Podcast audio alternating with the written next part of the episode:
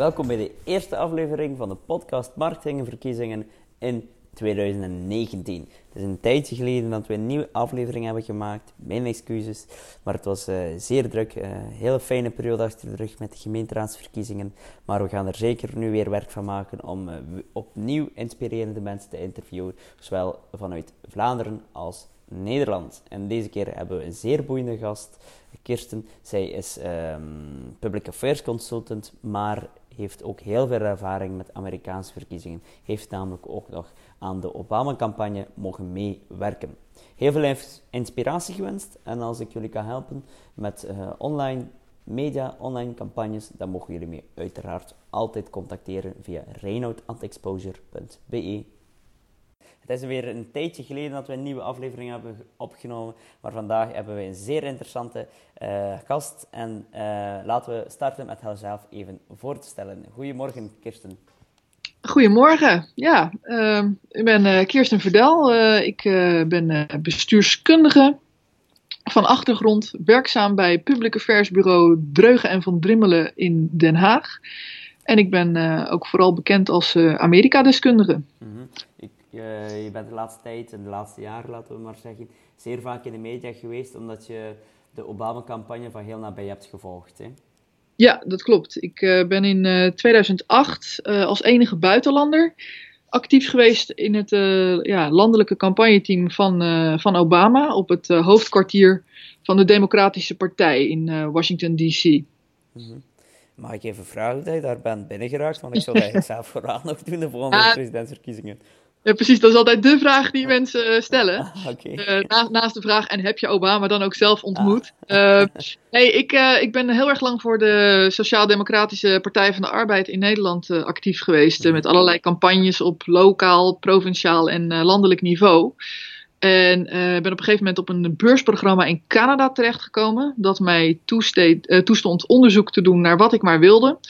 En dat was precies in de tijd dat de Amerikaanse presidentsverkiezingen speelden. Dus ik dacht, ja, weet je, uh, een van de dingen die ik dan graag wil doen, is onderzoek doen naar de Amerikaanse presidentsverkiezingen. Want ja, als er ergens iets is waar ik uh, wat kan leren nog over campagne voeren, dan is het wel daar. Mm. En uh, terwijl ik daarmee bezig was, probeerde ik met zoveel mogelijk mensen in gesprek te komen die mij meer konden vertellen over die campagne.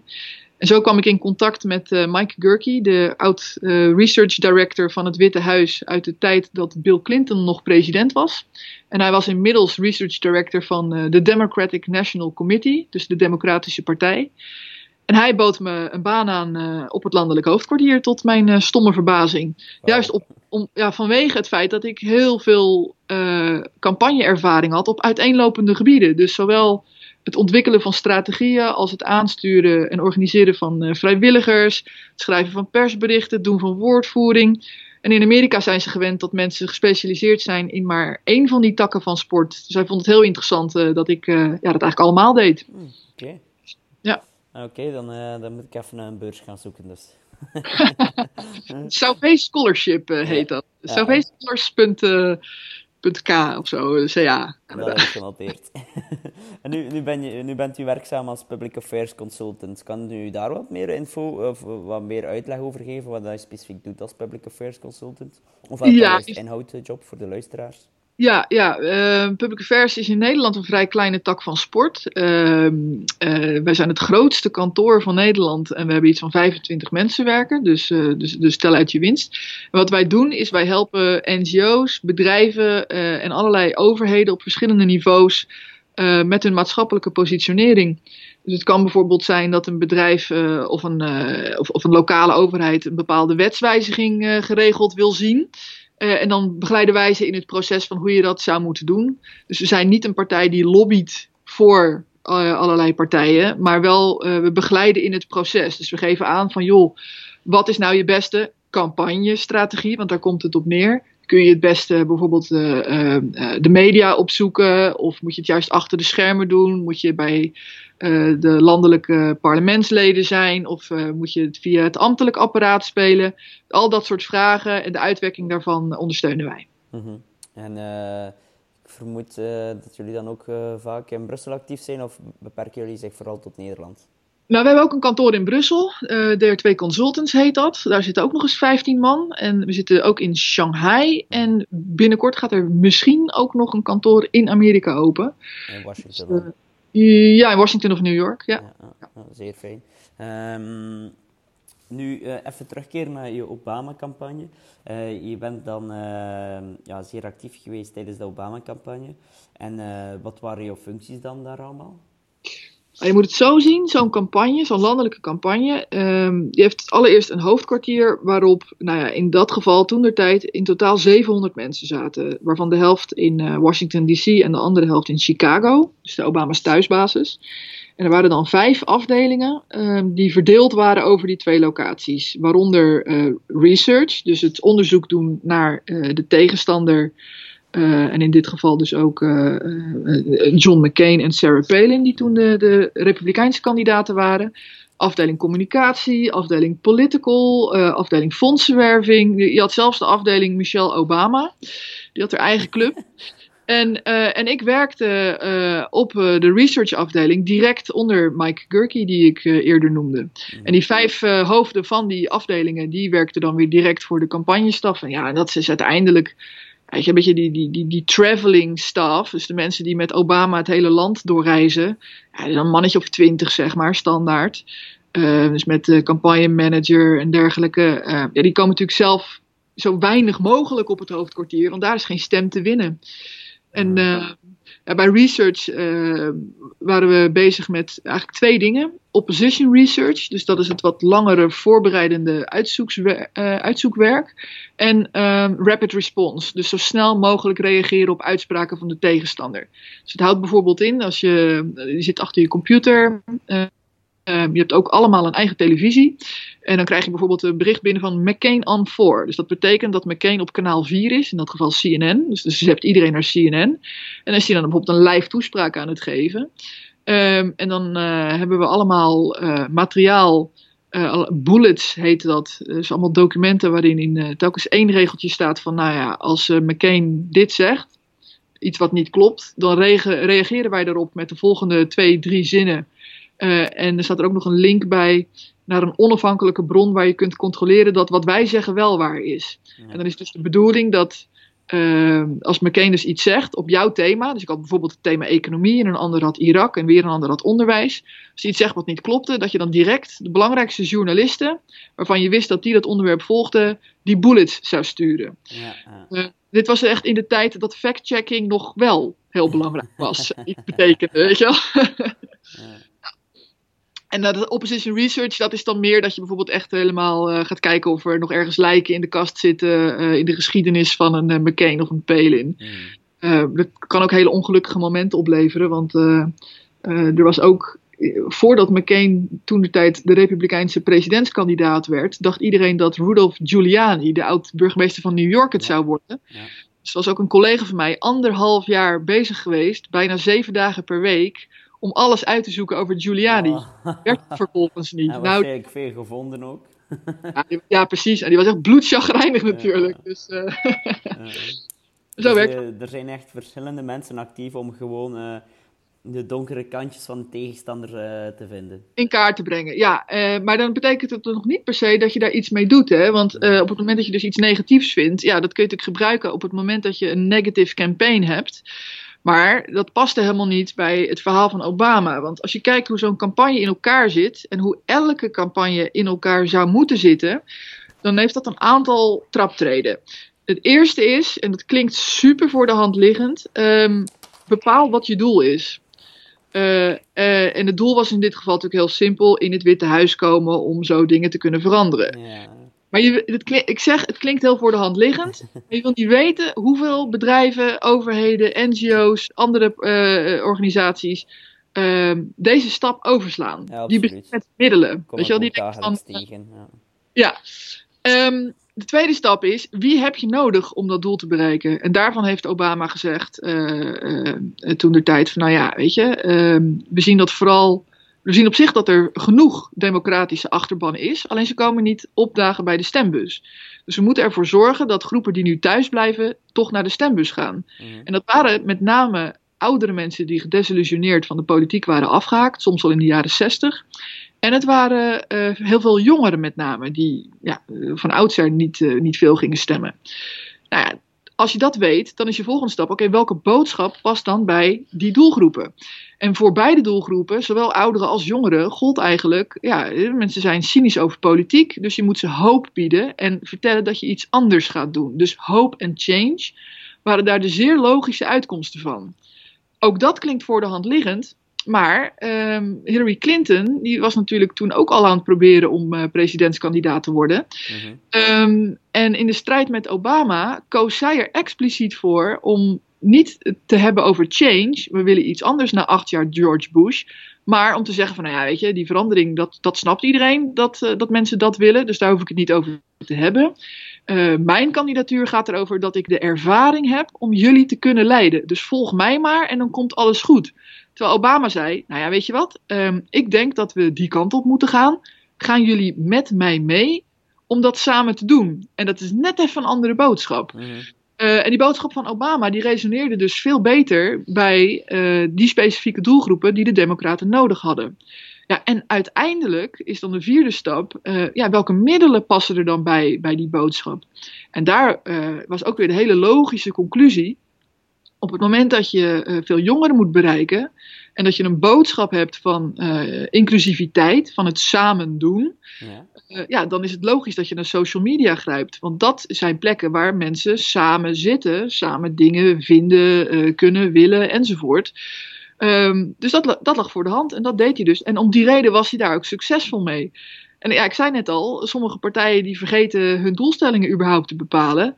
Uh, of, of gaan daarna de mist in. Nou ja, McCain aan de republikeinse zijde was precies iemand die zo'n fout maakte. Nou, oké, ja, ik wil het Witte Huis in, dus het doel had hij nog wel op orde. Maar daarna greep hij meteen naar de middelen.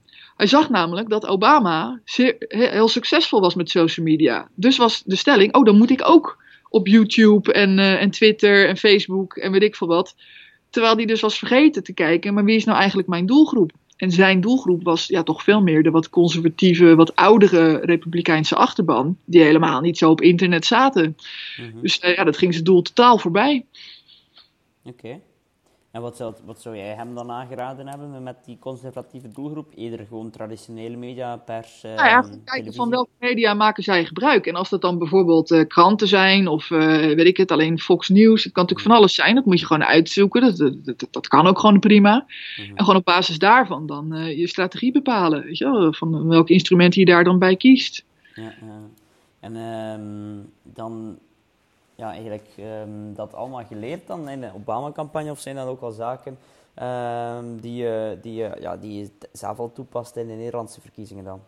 Ja, eigenlijk wel. Um, eigenlijk het, uh, het basisconcept voor mij in Nederland met verkiezingscampagnes was altijd van ja, weet je, mijn stelling was mensen worden echt elke dag doodgegooid met informatie. Overal waar je komt wordt reclame gemaakt. Als je in de ruimte waar je nu zit, als je om je heen kijkt en goed gaat kijken, zie je waarschijnlijk minimaal twintig merken van, uh, van bedrijven uh, voor producten. Um, ik bedoel, ik zit nu in een kamer waar ik uh, een, een, een cool hoppel thermostatie en een Samsung televisie en een Logitech camera en een Panasonic telefoon enzovoort. Dat registreer je niet eens tenzij je er actief naar op zoek gaat. Weet je? Dus overal televisie, radio, internet, um, posters op straat. Dus dat krijg je allemaal niet mee. Ja. En er is één simpele oplossing voor. En dat is benader mensen zo persoonlijk mogelijk. En dat betekent dus, als je het hebt over een politieke campagne. Dat wat je het beste kunt hebben, is dat uh, de kandidaat, dus in dit geval uh, als je naar Amerika kijkt, een Obama, of als je naar Nederland kijkt, een lokale lijsttrekker, dat die persoonlijk met alle kiezers in gesprek moet gaan. Nou ja, dat zou het ideaalscenario zijn. Dat lukt natuurlijk niet. Maar dan kun je het, uh, vervolgstappen nemen. Oké, iemand kan niet persoonlijk. Zorg dan dat je surrogaten hebt. Mensen die namens uh, een kandidaat met jou in gesprek gaan. Mensen die je bij voorkeur kent. Uh, als dat niet lukt, omdat je een veel te grote doelgroep hebt. Um, zorg dan bijvoorbeeld dat je via Facebook wordt benaderd door iemand uit jouw vriendenlijst. Uh, met, met de vraag van, joh, zou je misschien willen steunen? Als dat niet lukt, stuur gepersonaliseerde e-mails of gepersonaliseerde berichten. En pas helemaal aan het eind van je instrumentenspectrum zit dan iets als televisie, wat natuurlijk echt gewoon een schot hagel is. Ja. oké. En, en dat, die, die, die strategie van die zo persoonlijk mogelijke benadering, Um, dat heb ik in Nederland zelf al ja, uh, gewoon in stelling gebracht. En ik merkte in Amerika dat ze dat daar ook zo deden. En dat is ook een van de redenen waarom je uh, zo'n enorme vlucht nu ook ziet, in, uh, ook in Nederland, met dat canvassen. Dus echt van deur tot deur gaan om mensen dus persoonlijk aan te spreken. Alleen de grote fout die wordt gemaakt is dat dat een, ja, een, een, niet uitgewerkte strategie is. Ja, dat denk ik ook. Ja. ja, in Amerika zijn ze er wel al 40, 50 jaar mee bezig. En wat ze doen is ze gaan dan langs de deur, uh, hebben een bepaalde boodschap of een bepaalde vraag. Weet je, je kan ook een vraag stellen aan de deur. Wat vindt u van? Of, uh, of een hele slimme met bijvoorbeeld gemeenteraadsverkiezingen die je kunt gebruiken. Uh, als jij een verkiezingsprogramma hebt met, ik noem maar wat, 30 punten. Nou, maak een top 5. Ga met die top 5 langs de deur en vraag wat heeft nou voor u prioriteit? Nou, dan weet je waar je dus het beste over kunt communiceren. Mhm. En dan hebben mensen ook, worden, ja, mensen worden ook betrokken. Weet je? Dus die betrokkenheid is ook heel belangrijk. Um, en uh, dus op het moment dat je dat doet, dan win je al heel veel stemmen. En dat gebeurt dus in, in Nederland. En, en ik weet ook zelfs in België gebeurt dat. Maar het gaat ook om de vervolgstap. Want mensen willen wel graag ook een terugkoppeling krijgen van wat er dan met hun input gebeurd is. En dat betekent dus dat als je langs de deuren gaat, dan moet je ook wel dingen noteren. Waar ben je geweest? Wat zei de bewoner van het huis?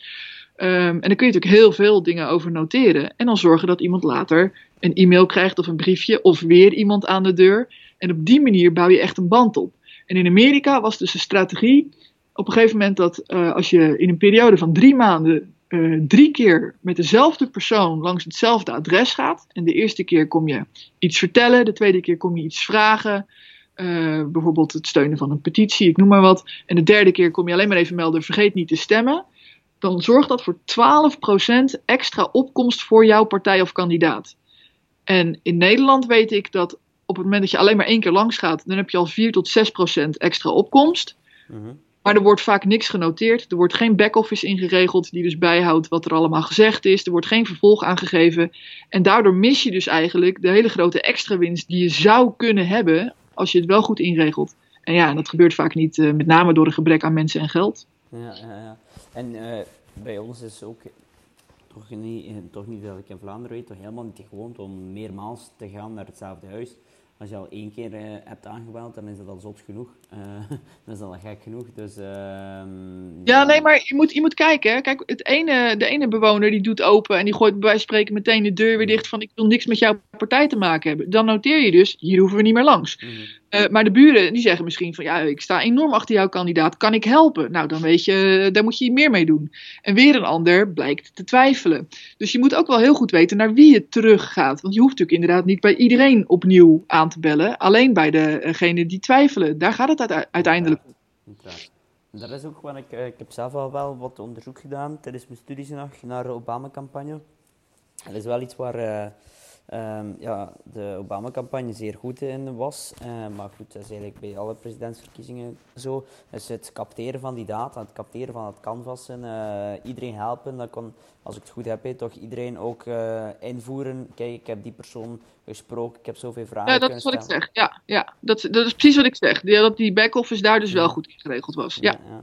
En um, ja, nu zit je natuurlijk in Vlaanderen wel, maar dat is misschien uh, een, uh, voor een, discussie voor een andere podcast. Met GDPR, dus als je al die data wilt houden, ja, dan moet je waarschijnlijk wel altijd de mensen vragen van, mag ik die data opslaan? Precies, ja, ja. maar dat moet je sowieso vragen, weet je. Maar dat is ook prima. Mm -hmm. Dat was in Amerika ook zo. En ja, de gewoon privacywetgeving is, ook in, bestaat ook gewoon in Amerika. Maar op het moment dat je gewoon aan iemand vraagt van, joh, vind je het goed als ik wat gegevens van je noteer? En ze zeggen ja nou ja, prima. En heel veel data is ook gewoon publiek natuurlijk. Hè? Ik bedoel, je kunt natuurlijk prima opslaan dat je bij Kerkstraat 3 hebt aangebeld en dat daar iemand uh, uh, boos opendeed, ik noem maar wat. Ja. Dat zijn geen persoonsgegevens, dat mag je gewoon opslaan. En in Amerika was het zo dat een deel werd dus aan informatie werd zelf vergaard, simpelweg door bij iemand aan te bellen, te vragen naar naam, uh, achtergrond. Uh, nou, de een geeft het wel, de ander geeft het niet. Maar je kon bijvoorbeeld ook data aankopen of, of inzien, publiekelijk inzien. Want uh, hoe iemand geregistreerd staat als kiezer, als republikein of als democraat, dat is openbare informatie. Dus dat kun je daar ook weer aan koppelen. Ja. Dus ja, zo kun je een mix maken. En wat heel grappig is, in 2008 um, was van pakweg 95% van de Amerikanen waren gemiddeld 39 verschillende criteria bekend bij de Obama-campagne. Ik vond dat toen knetterveel. Dus naam, adres, uh, uh, man, vrouw, hoe ze geregistreerd stonden, wat voor huizen hadden, wat voor auto er voor de deur stond, weet je, dat soort dingen. maar in 2012, dus vier jaar later, toen was het gemiddeld 1010 per persoon. En dat kwam door de koppeling aan social media accounts. Ja. ik zeg, ehm, de, het is vooral over bij deze campagne dat ik uh, onderzoek heb gedaan. Um, uh, 2008 wordt zo, vind ik toch vaak gezien als de, de innovatieve campagne, uh, de social media campagne. Maar ik vind de campagne van 2012 eigenlijk veel indrukwekkender, puur datagewijs dan vooral. Maar ook uh, op technisch en strategisch niveau vind ik de campagne van 2012 veel indrukwekkender, omdat, uh, als ik het goed heb, Obama bij de eerste peilingen ook nog achter lag hè, op Mitt Romney. Ja, dat was de eerste keer ook al hoor, bij ja. McCain. Ja, ja, ja. Niet heel veel mensen, want mensen dachten dat hij makkelijk won die eerste keer. Mm Maar vijf weken voor de verkiezingen lag McCain in de peilingen nog voor. Mm -hmm. En Obama die won uiteindelijk pas nadat de beurs instortte. Uh, dat het ineens slecht ging met de economie en dat McCain op die dag, nadat de beurs was ingestort en iedereen in paniek was, had gezegd van... The fundamentals of our economy are strong. Terwijl iedereen net had gezien dat het fundament dus helemaal niet sterk was. En daar bovenop kwam. precies, ja. En daarbovenop kwam ook nog dat hij eerder al had gezegd: van ja, ik heb niet zoveel verstand van uh, economie. Maar dat geeft niet, want ik heb het boek van Alan Greenspan thuis. En toen had de journalist gevraagd: Nou, wat vond hij van het boek? Ja, dat had hij nog niet gelezen. Dus die combinatie van die factoren en dat hij dan ook nog naar uh, het Witte Huis ging. Dus ging naar Washington DC midden in de campagne om, om de economie te redden. Nou, dat kon natuurlijk helemaal niet. Ja, en toen, was eigenlijk zijn toen pas was zijn kandidatuur voorbij. Ondanks het feit dat Obama gewoon alles eigenlijk perfect had gedaan. Die had eigenlijk nog uh, maar één klein foutje gemaakt in de hele campagne. Dus zo moeilijk was het die eerste keer voor Obama om te winnen. Ja, en wat was dat ene kleine foutje? Het foutje was dat hij uh, had gezegd dat hij wel begreep dat in Pennsylvania uh, mensen vasthielden aan hun wapens en religie. En dat werd gezien als een denigrerende opmerking die hem vrij lang heeft achtervolgd in de campagne. Oké, okay. dat herinner ik me niet meer. Ja. Um, ja, als je er middenin zit, dan uh, krijg je dit net wel mee, zeg maar. maar dat was het enige foutje. Als je verder gaat vragen van, joh, wat heeft Obama nou niet goed gedaan in die campagne? Dan komt er meestal een hele lange stilte. ja, uh, um, nu even terug naar, naar, Vlaanderen of uh, Nederland. Uh, je hebt nu heel veel ervaring opgedaan in, in, uh, in Amerika, maar je, bent ook nog altijd actief als public affairs consultant. je hebt zelf een geschiedenis bij de PvdA. Ik vermoed dat je nu niet meer actief bent binnen de politieke partij vanwege je job. Uh, nou ja, niet eens zozeer vanwege mijn werk, maar meer vanwege het feit dat ik in de afgelopen vijf jaar drie kinderen heb gekregen, die nu 0, 2 en 4 zijn. En uh, ik heb er heel bewust voor gekozen nu om uh, naast mijn werk gewoon daarop te focussen. Ja, dus ik, ik, word ook regelmatig gevraagd om iets te doen. Ik ben ook vorig jaar gevraagd of ik wethouder wilde worden in de gemeente waar ik nu zit. En ja, tien jaar geleden had ik meteen ja gezegd. En nu zeg ik meteen nee. Ja. Kijk, maar um, met al je kennis uh, die je nu verzameld hebt, ja, uh, je, je, je partij waar je actief was, PvdA, socialisme te koer in West-Europa, uh, doet het niet zo goed. Wat zou jij met jouw kennis hen dan aan, aanraden om nu weer, um, ja, weer naar de successen van vroeger te gaan? Nou ja, dat begint dus weer bij die stap 1. Wat is je doel? En dat hebben uh, sociaal-democratische partijen niet op orde. Er is natuurlijk uh, decennia lang gestreefd naar een, uh, een samenleving waarin welvaart voor iedereen goed geregeld is, waarin je allerlei zekerheden opbouwt. je pensioen, arbeidsongeschiktheid, al dat soort zaken. Dat je op het moment dat je even niet meer mee kunt doen aan de samenleving, dat er dan een, een vangnet voor je is, of een trampoline, of hoe je het wilt noemen. Um, maar op een gegeven moment werd die staat een soort van bereikt. Van oké, weet je wel, in grote lijnen uh, heeft iedereen dat nu wel voor elkaar. En er zijn natuurlijk altijd dingen die niet goed gaan, maar uh, over het algemeen ging dat wel aardig. En daarna is het eigenlijk een soort van stilgevallen en is er geen ideologische ontwikkeling meer geweest. Wat is nu je alles overstijgende doel? En ja, die discussie die wordt maar niet gevoerd. Dus er wordt continu geconstateerd van, ja, het gaat niet goed en we verliezen zetels en we moeten onze communicatie aanpassen en we moeten een nieuw plannetje lanceren. Maar de fundamentele discussie over waar sta je nou voor, waar wil je nu naartoe, ehm, ja, die wordt nergens gevoerd, nergens fundamenteel. Dus ja, ik zou zeggen, begin daarmee. Mhm. De eerste vraag, wat is het doel? Nou ja, dat kan ik niet bepalen. Weet je, ik bedoel, hier in Nederland ehm, eh, is nu uh, door de Partij van de Arbeid uh, wordt nu ingezet op zekerheid bieden. En dat komt natuurlijk eigenlijk een beetje neer op van, nou ja, je hebt nu allemaal zekerheden verworven, die moeten we nu houden. Ik vraag me af of dat voldoende is, of dat een voldoende goede boodschap is. Um, of dat niet een beetje in de categorie is van, wij willen schoon water. Ja, wie niet? Weet je, dus het onderscheidend vermogen is daar misschien te weinig in. Maar, weet je, maar, maar, maar om dan weer terug te gaan naar die Obama-campagne. Wat beloofde Obama nou? Hope and change. Ja. Dat was het. En, dat, en de grap is, dat zijn veel ongrijpbaardere begrippen. Uh, uh, change. Het moet anders. Hoop. Weet je wel? Hoop hebben. Ja, wat, wat is dat eigenlijk? Weet je? Dat is een soort van verlangen naar iets anders. Verlangen naar iets beters. Nou, misschien moet je het kennelijk juist in dat soort begrippen zoeken. Um, dus het zou wel een interessante exercitie zijn. ja. om opnieuw een, uh, een scholarship binnen te halen dan. Oké, okay, uh, dan komen we zo eigenlijk uh, dan, aan terug aan het begin en hebben we zo alles mooi um, afgerond. Um, ik, ik eindig de, de podcast altijd met een power tip. Wat zou jouw power tip zijn voor, voor de luisteraars, voor mensen die bezig zijn met communicatie of politieke communicatie? Um, nou, eigenlijk twee dingen. Eén lijkt me een hele duidelijke na dit gesprek. En dat is zorg dat je allereerst bij wat je ook gaat doen heel scherp hebt wat je doel is.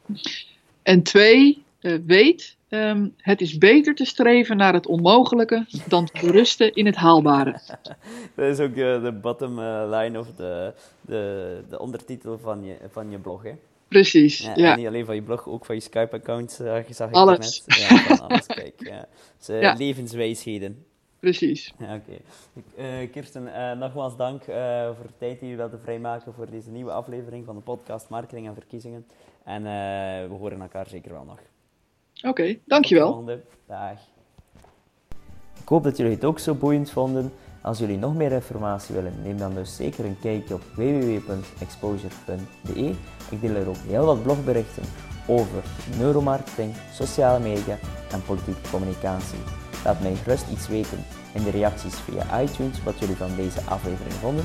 Zo kan ik nog meer inspelen op jullie interesses. En aarzel zeker niet om mij te contacteren indien je interesse hebt in een van de workshops. Wij geven heel veel fysieke workshops, maar ook heel veel online workshops. En alvast heel veel succes in alles wat je doet. Tot de volgende!